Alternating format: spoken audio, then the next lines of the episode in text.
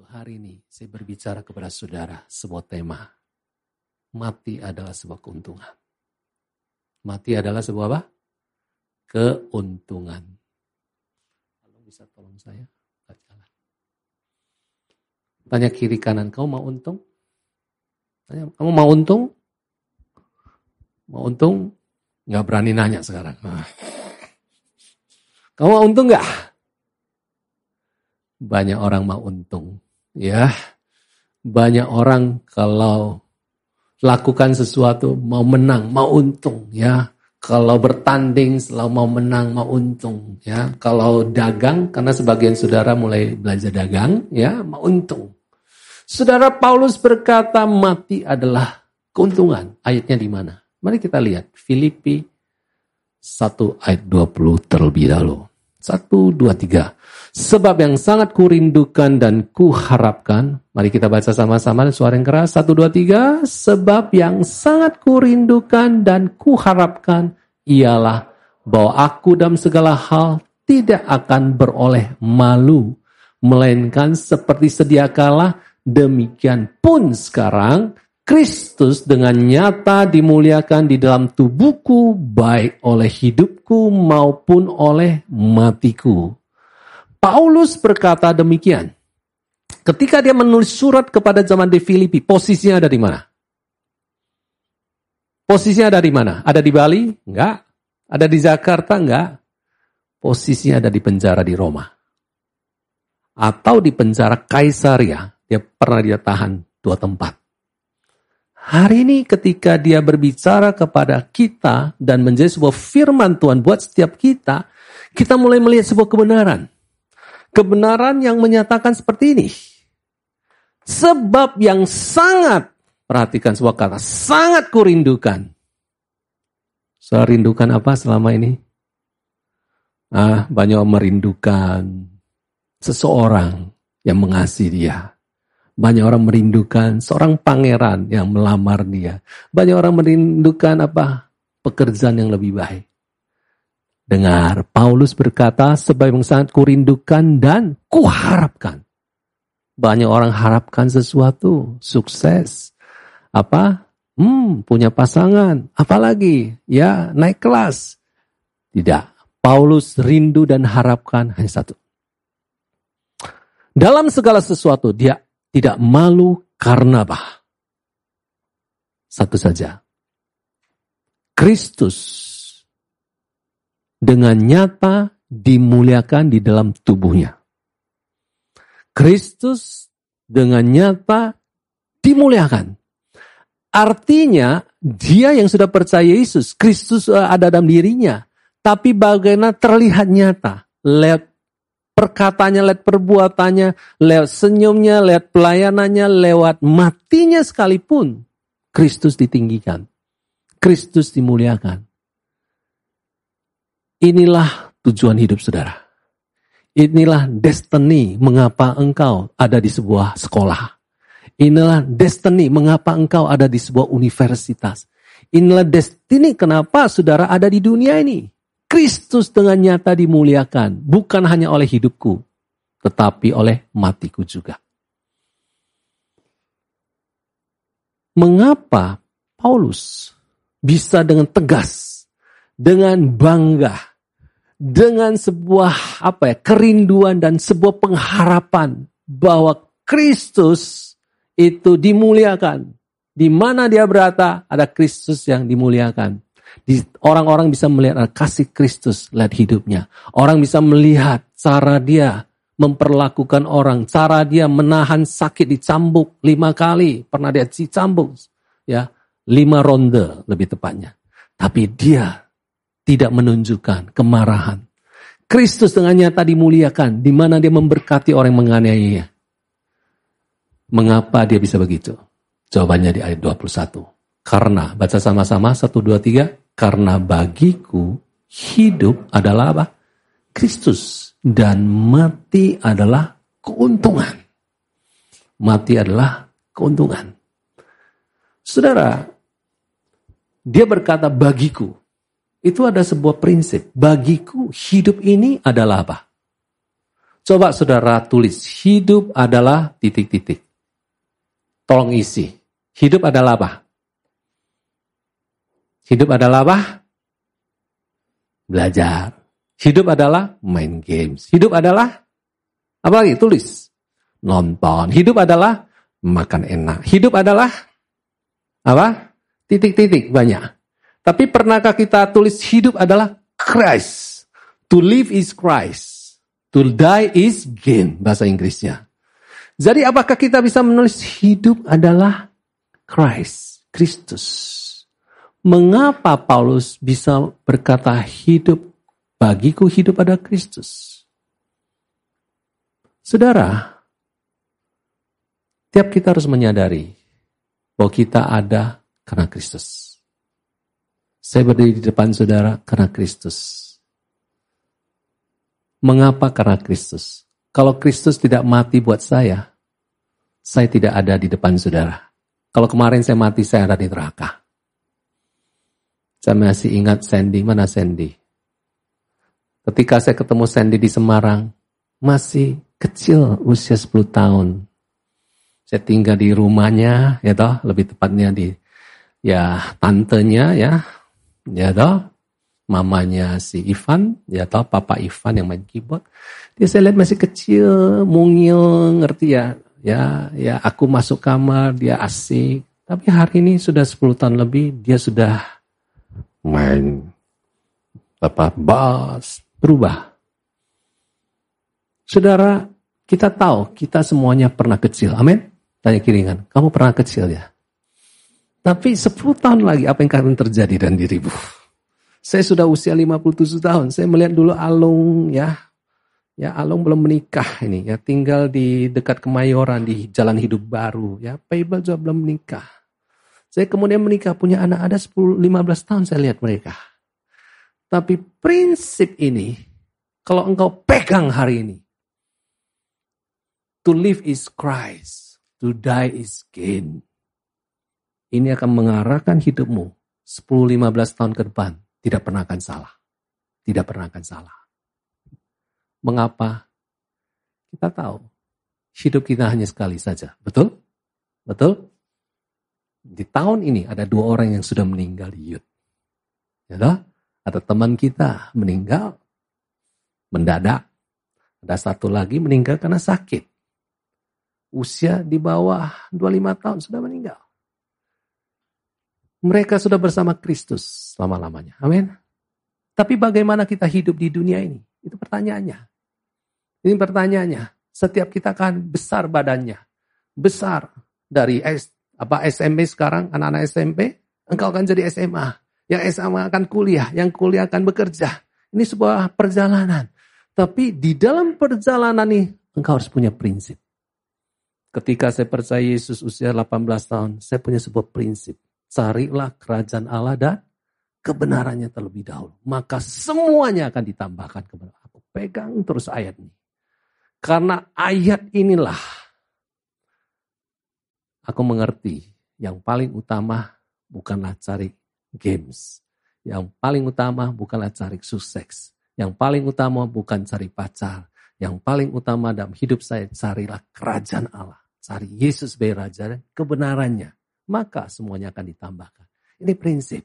Nah hari ini saya ingin menolong sudah untuk lihat hidupmu 10 tahun, 20 tahun seperti apa. Kita tahu bagi orang-orang yang belum percaya, buat orang dunia, mati adalah sebuah kehilangan. Betul sudah? Mati ada sebuah kerugian. To die is loss. Bukan to, to die. Mati adalah sebuah gain. Tidak. Saudara, mengapa banyak orang takut mati? Salah satu sebabnya takut kehilangan. Sudah mau mati? Jawabannya apa? Enggak. Betul saudara? Sudah mau mati enggak?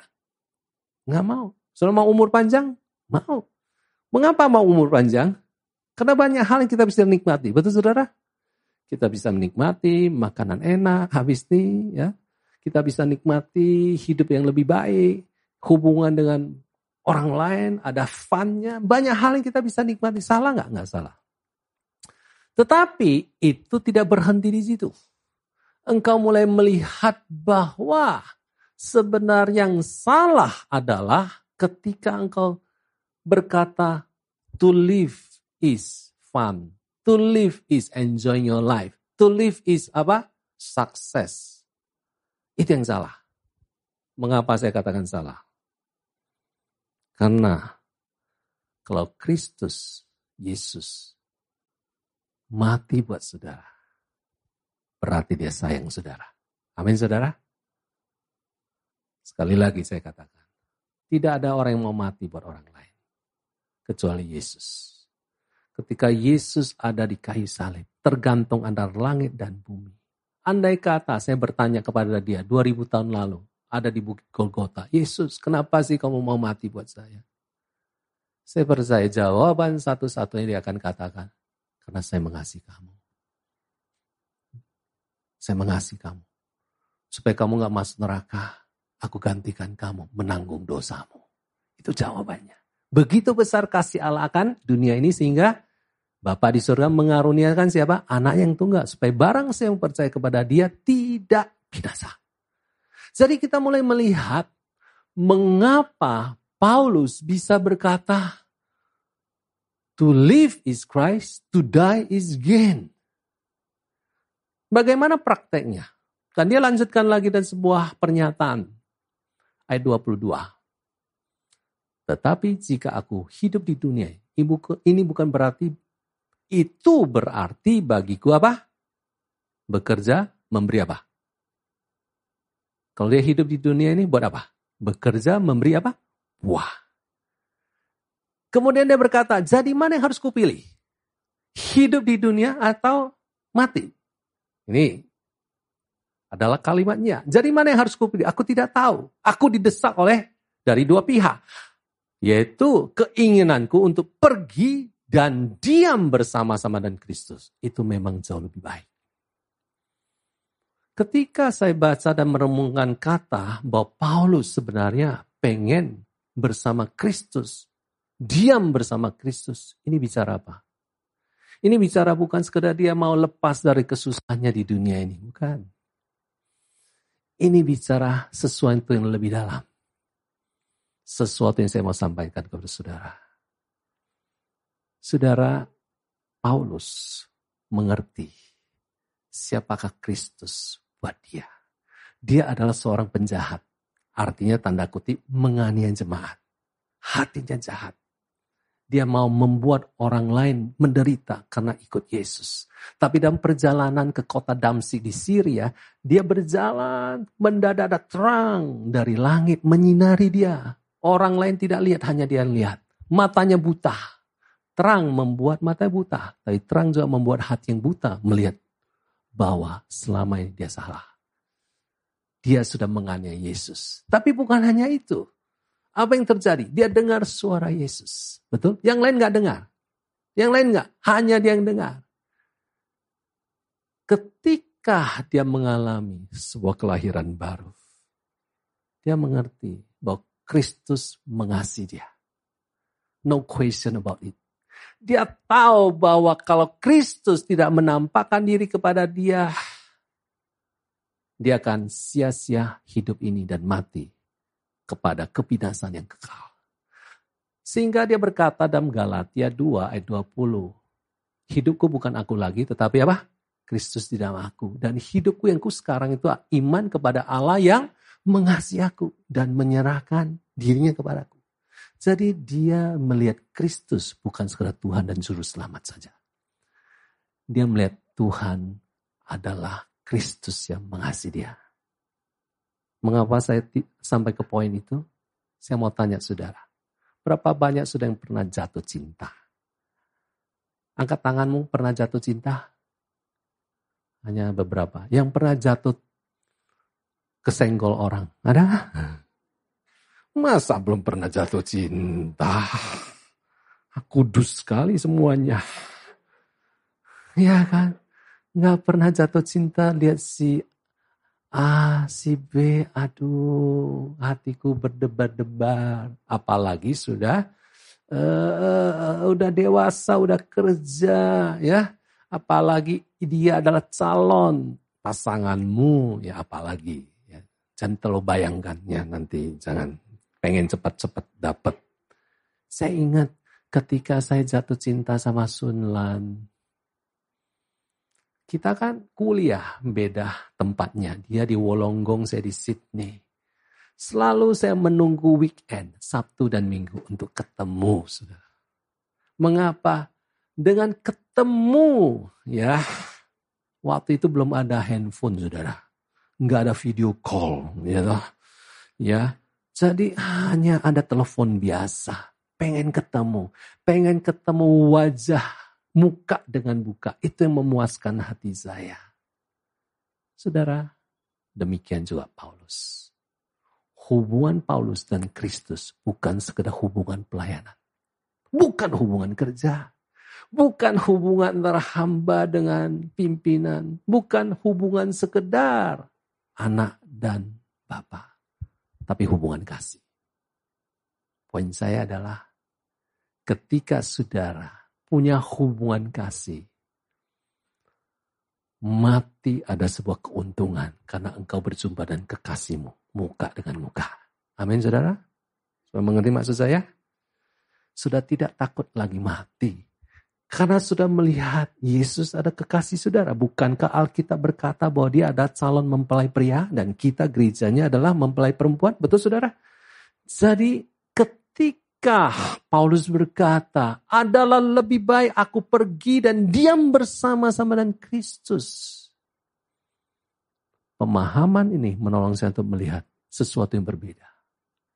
Saya belum mati, saya belum bisa bersama-sama Kristus. Tapi pertanyaannya adalah apakah saya mengasihi Yesus? Apakah saya rindu kepada dia? Apakah Yesus yang memuaskan hati saya selama ini? Ketika engkau berjumpa dan seorang yang engkau kasih, ada sesuatu yang terjadi di hatimu. Ada sesuatu yang penuh dalam hatimu. Ketika Petrus berjumpa dengan Yesus, apa yang membuat Yesus meninggalkan perahunya? Apa yang membuat Yesus meninggalkan ikan-ikannya? Apa yang membuat Paulus mau jadi seorang rasul? Satu kata. Karena Yesus yang hidup waktu itu mengasihi Petrus. Penampakan Yesus kepada Paulus, dia rasakan itu ada kasih. Kasih yang dia alami, kasih yang dia terima lewat mujizat ikan, lewat penampakan terang, apa saja. Membuat engkau dan saya juga harus mengerti bahwa hubungan kita dengan Kristus bukan sekedar hubungan biasa. Hubungan kasih. Di dalam hubungan kasih itulah kita menemukan kepuasan jiwa kita. Maka Yesus berkata apa? Berbahagia orang yang haus akan kebenaran. Karena ia akan apa? Dipuaskan. Pertanyaannya adalah sering kali kita cari kepuasan yang berbeda. Saya dengar sebagian kita mulai offline ya masuk sekolah. Yang masuk sekolah angkat tangan? SMP, SMA? Ya, ketika kita berjumpa dan teman kita apa online terus ya selama dua tahun. Wow, senang sekali berjumpa dan kamu ya. Lihatnya di apa layar komputer saja. Wow, banyak pengharapan. Eh ternyata berteman dia. Eh ketemu dia. Kayak kok nggak enak nih. Ngomongnya itu agak kasar ya. Perilakunya nggak seperti waktu di online. Senyum ya kan? Ternyata galak juga nih judes juga nih jujur tapi pedes nih ya cabai rawit juga saudara banyak harapan kita kita taruh kepada teman kita banyak harapan kita kita taruh kepada orang tua kita banyak harapan kita terhadap manusia. Tapi dengar baik-baik, manusia tidak pernah bisa memuaskan saudara. Amin saudara? Ngerti maksud saya? Manusia tidak pernah bisa memuaskan hati saudara. Hanya Kristus. Nah Kristus yang bisa memuaskan saudara. Tapi banyak orang mencari manusia ya memang saya dipuaskan kalau saya menang game. Apa game terbaru teman-teman? Ah, counter apa? Nggak tahu lah saya. Wow, main tanding dua lawan dua. Wah menang. puas. Habis itu hilang lagi kepuasannya. Apa yang puas? Oke, lomba menang maraton 5K. Puas. Habis itu nggak puas lagi. Apa? Segala sesuatu adalah kita selalu mencapai sesuatu yang kita inginkan dan rasa puas, senang sekali, berhasil. Tapi kepuasan itu tidak pernah bertahan lama. Ketika saya pertama kali ke Israel, wow, luar biasa. Kedua kali, aduh bosan ah. Saudara, apa pun pemandangannya, kau dilihat terus bosan. Betul? Bilang kiri kanan, jangan lihat saya terus, nanti kamu bosan. bukan, bukan maksudnya begitu. Bukan, itu candaan saja. Tapi saya ingin katakan apa pun yang engkau lakukan, baik sekolah, kuliah, kerja, tidak pernah akan memuaskan engkau. Poin saya apa? Poin saya begini. Poin saya yang pertama adalah Kristus ada sumber kepuasan satu-satunya dalam hidup saudara. Makanya Yesus berkata dalam Yohanes 15 ayat 4, Akulah pokok anggur dan apa? Engkaulah apa? Rantingnya. Yohanes 15 ayat 1 dan 2. Dan ayat 4 berkata, tinggallah di dalam aku dan aku di dalam kamu. Sama seperti ranting tidak dapat berbuah dari dirinya sendiri kalau ia tidak tinggal pada apa? Pokok anggur. Demikian juga kamu tidak berbuah jika kamu tinggal di dalam aku. Dulu saya berpikir ini bicara berbuah menghasilkan sesuatu. Tapi ketika saya melihat kembali tanaman anggur, sudah pernah lihat anggur? Anggur itu bukan pohon besar. Kecil sebenarnya. Ya toh? Kecil, tapi dia harus ada tiang kayu yang menahan dia, ada kawat dia bisa merambat. Nah, kita lihat pokok, walaupun gak besar, tapi pokok itulah yang menghasilkan, memberikan kehidupan zat-zat untuk ranting berbuah. Dulu saya berpikir tujuannya hanya berbuah. Tapi setelah saya mulai mengerti mengapa Paulus berkata to live is Christ, to die is gain, saya melihat sesuatu yang berbeda. Saya melihat ranting sehebat-hebatnya dia bisa berbuah. Kalau dia putus dari pokoknya mati. Betul saudara? Betul saudara? Mati. Seindah-indahnya ranting itu, sehebat-hebatnya anggur banyak, kalau dia putus mati. Artinya apa? Artinya apa? Hubungan antara engkau dan Tuhan sudah bicara lebih dari sekedar berbuah. Itu bicara kehidupan. K-E-H-I-D-U-P-A-N. Itu bicara hubungan. H-U-B-U-N-G-A-N. Oke, okay? hubungan. Tapi hubungan yang seperti apa? Apakah hubungan biasa? Sekali lagi, saya katakan kepada saudara. Mengapa Paulus berkata, to die is gain.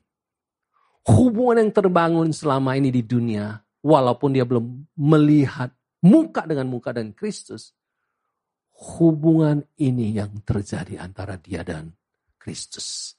Sehingga saudara dan saya dari teladannya Paulus, kita boleh menemukan ternyata yang perlu saya jaga sejauh mana hubungan itu tiap hari. Ketika kami ke Jagoi Babang, kami menemukan sebuah persoalan. Anak-anak ini tidak, eh nyanyiannya bagus sekali. Kalau mereka nyanyi ya, uh indah sekali, kur ketika mereka musiknya itu main keyboard aja satu.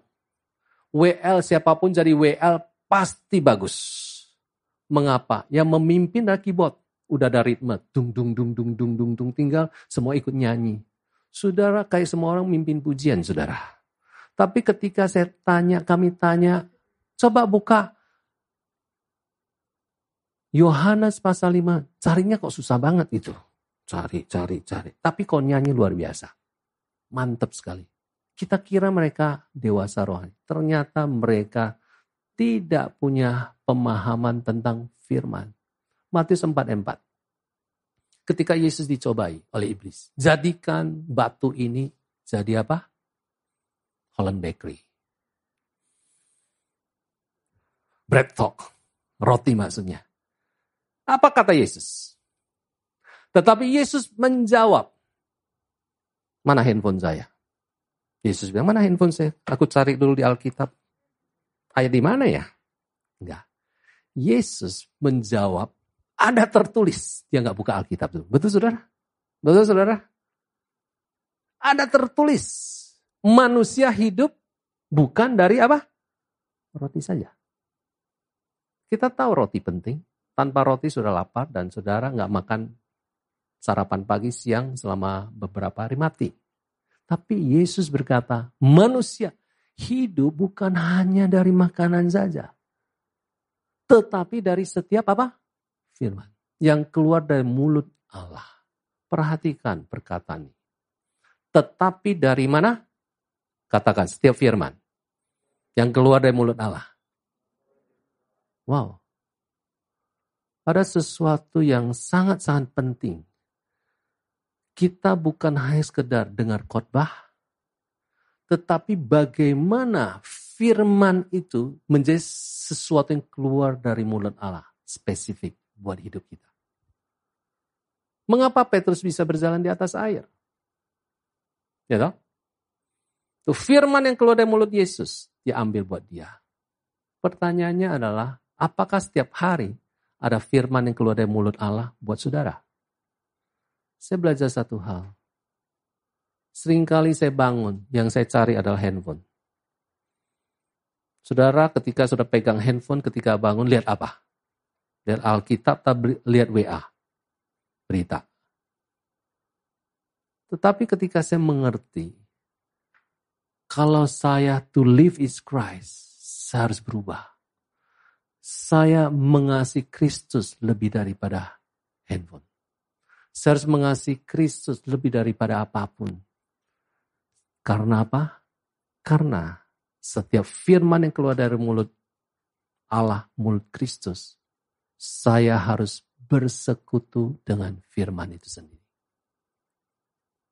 Saudara sadar nggak ketika Yesus menceritakan perumpamaan tentang penabur benih? Betul saudara? Ada seorang penabur buang benih. Nah benih itu ada firman Tuhan.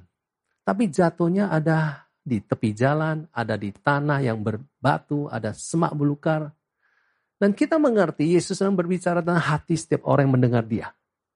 Hari ini kita harus menyadari bahwa firman adalah sebuah benih.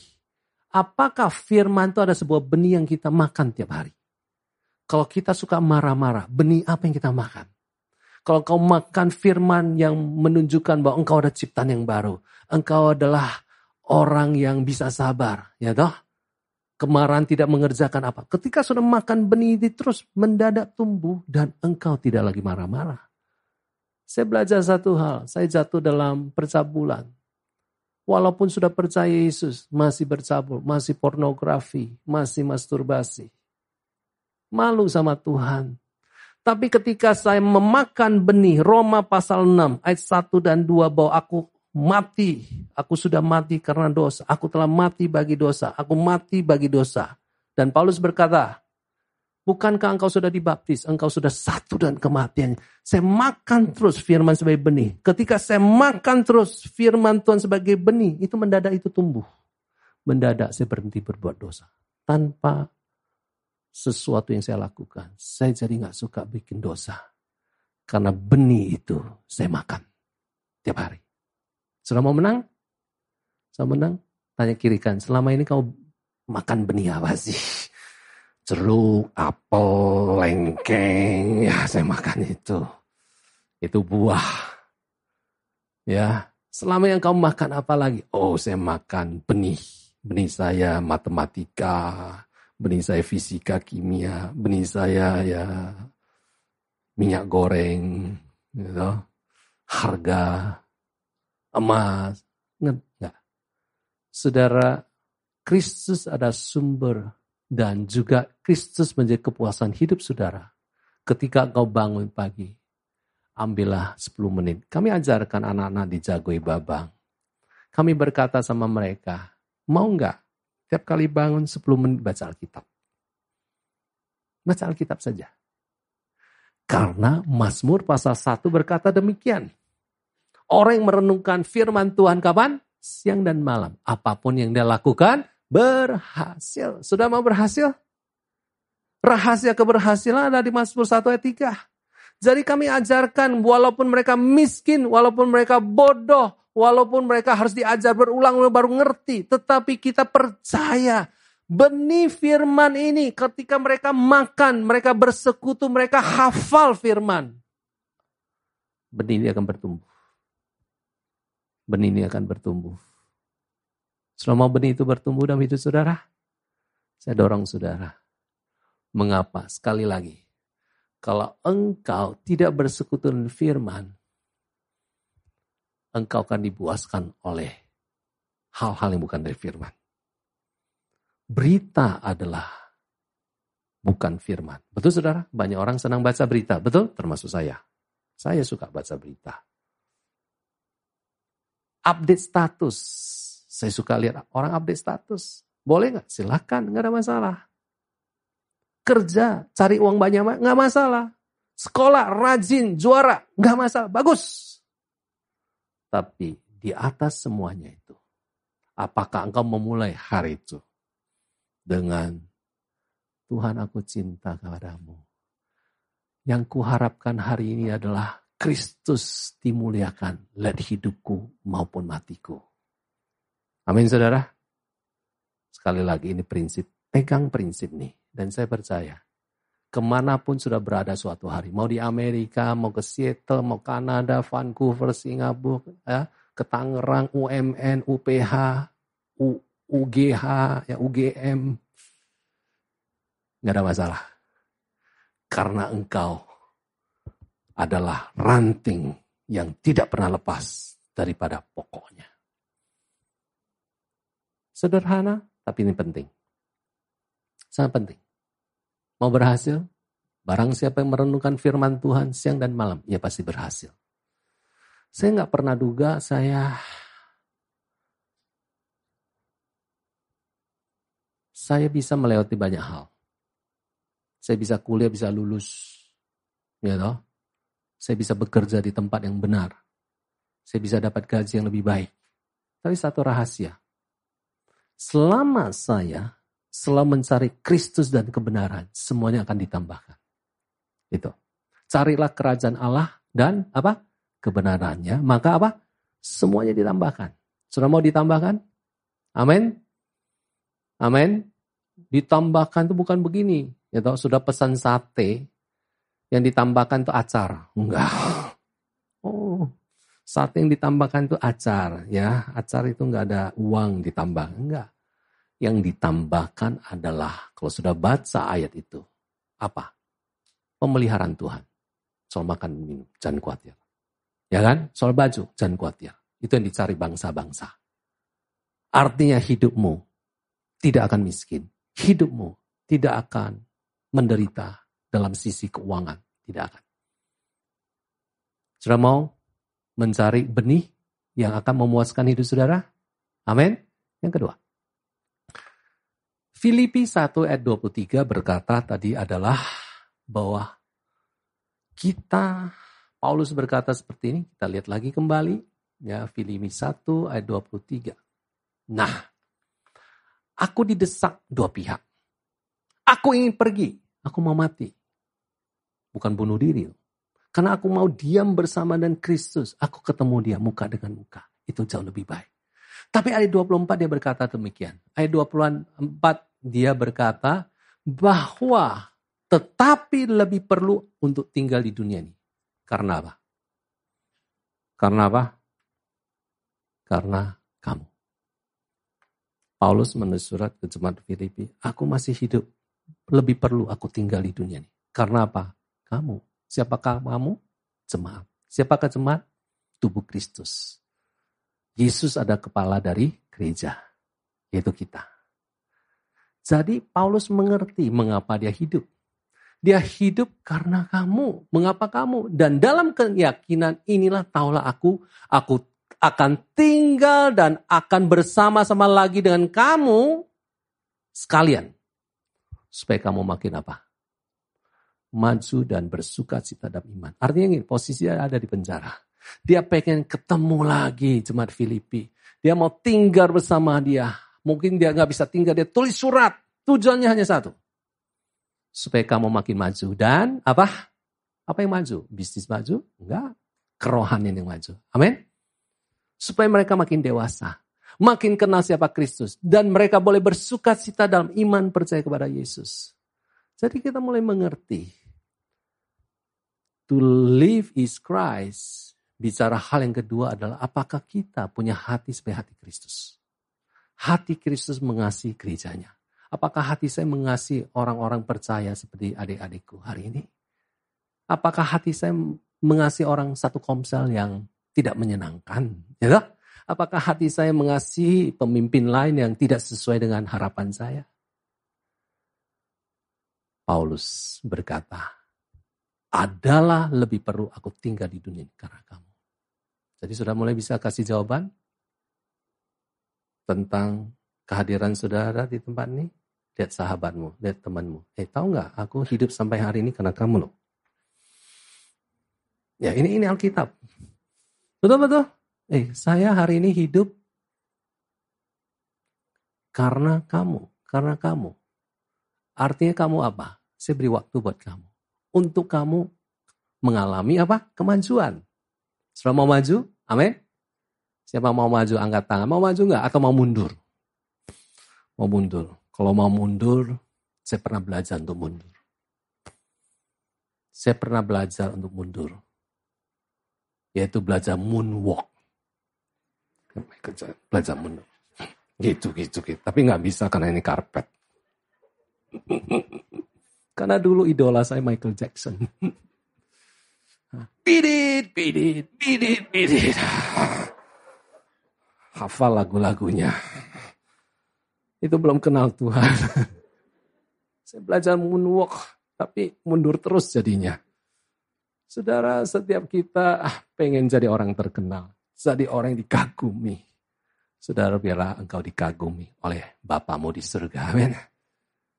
Nah, inilah sebabnya sudah perlu beri waktu. Beri waktu untuk ada di komsel. Sudah minta kepada Tuhan, Tuhan ini ada PR. PR malam ini. Ya Tuhan harus aku beri saya kepintaran, beri saya hikmat. Kerjaan PR biasa dua jam, sejam sudah selesai supaya saya bisa komsel. Ada amin yang SMP SMA? Hah? Boleh minta. Ya kan Daniel minta. Nggak usah makan makanan raja. Eh dia pinter 10 kali lipat loh. Ya kan? Jadi nggak ada salahnya. Sudah punya apa homework atau punya tugas, minta Tuhan. Saya bisa lebih cepat lagi. Nah banyak yang ternyata dia udah selesai lebih cepat. Tapi habis itu dia santai aja. Komsel udah males. Jangan.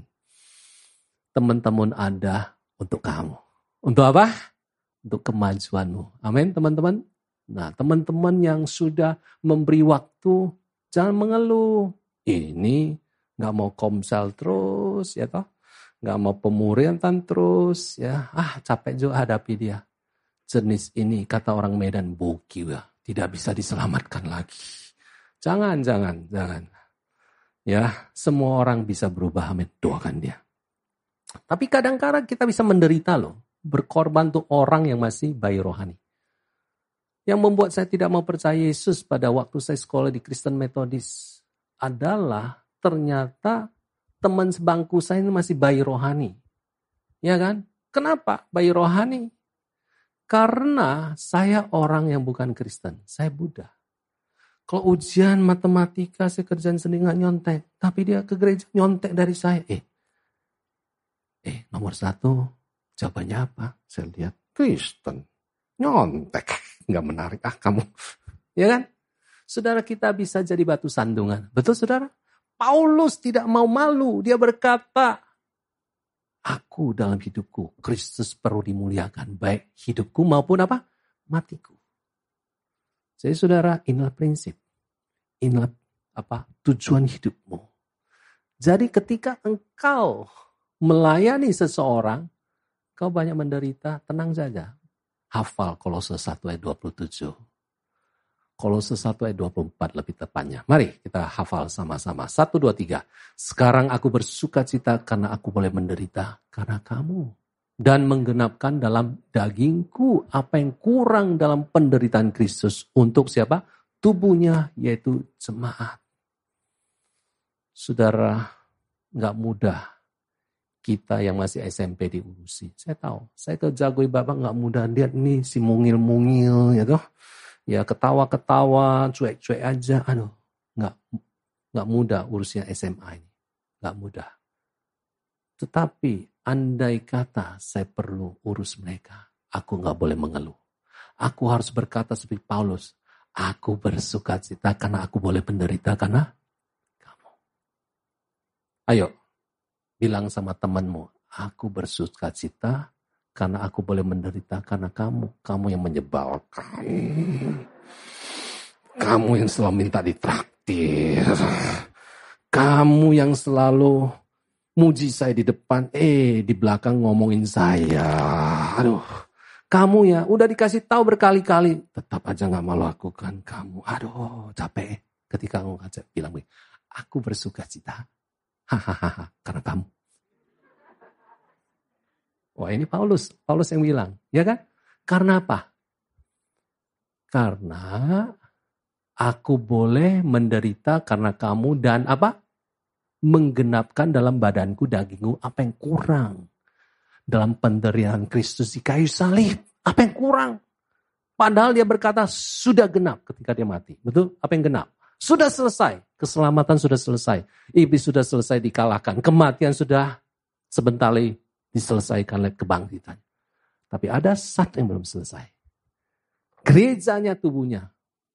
Ketika hari Pentakosta masih kanak-kanak. Betul? Paulus dipilih. Tuhan jadi rasul untuk apa?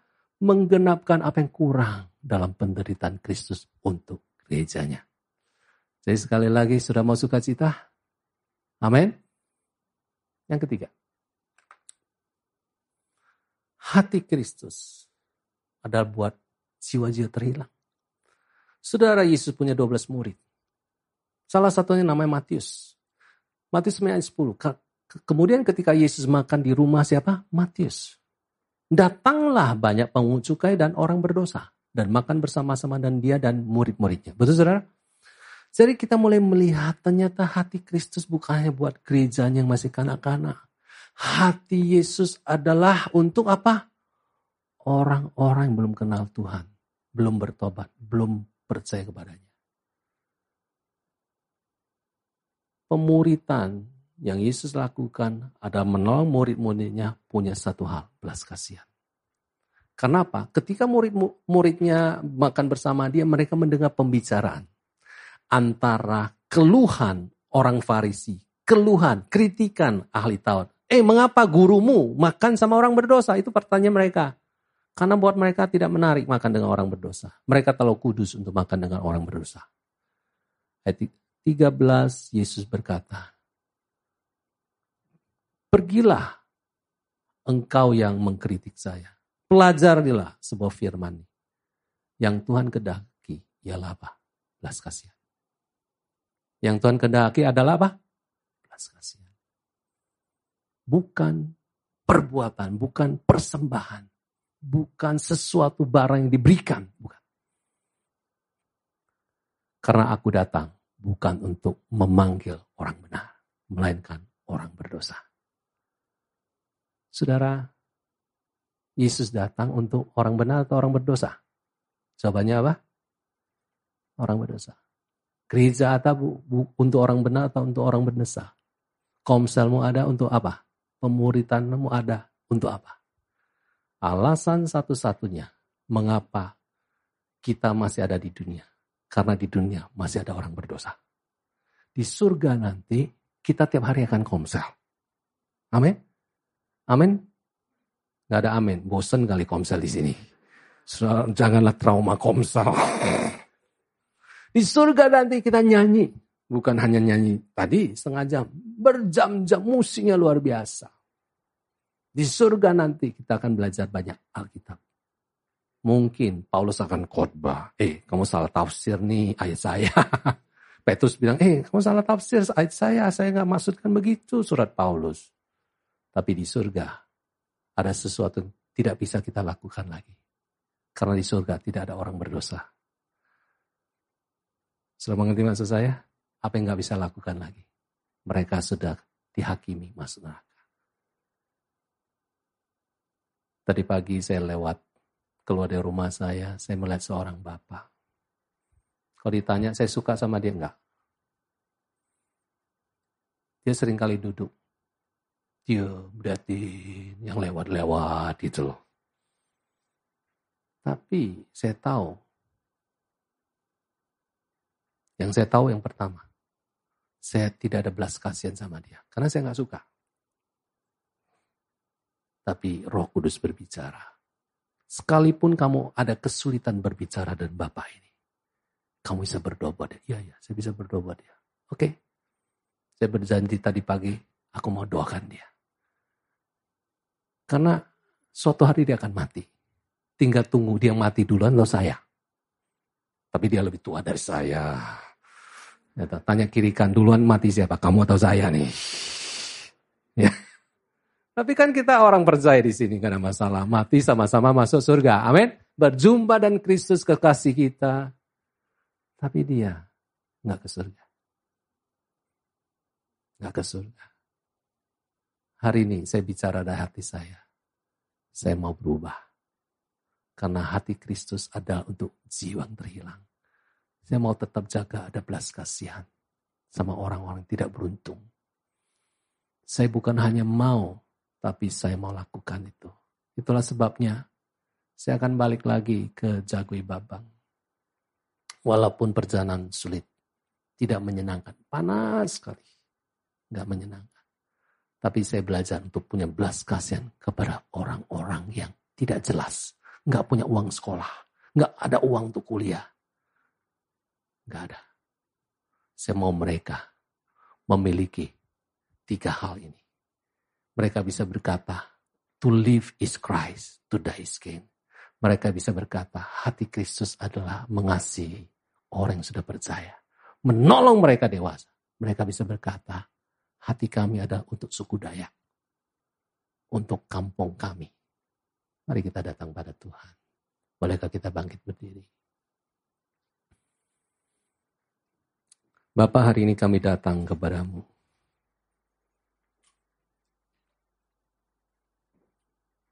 Kami mau menjadikan hidup kami adalah Kristus sebagai pusatnya. Mari teman-teman. Apa yang menjadi kepuasanmu selama ini? Apa yang menjadi kepuasanmu hari ini? Memang setiap kita suka main game. Memang setiap kita suka nonton. Salah nggak? Pertanyaan bukan salah atau tidak. Memang kita punya kenikmatan, makan enak. Salah nggak? Pertanyaan bukan soal salah atau tidak. Pertanyaan hari ini adalah, apakah engkau bisa berkata seperti Paulus, hidup adalah Kristus, mati ada sebuah keuntungan. Apakah hatimu mulai tidak ada kasih kepada Kristus. Adanya adalah kasih kepada hal-hal yang kau sukai. Hari ini datang kepada Tuhan. Tuhan mau mengangkat saudara. Tuhan mau memperbahari hati saudara. Di telah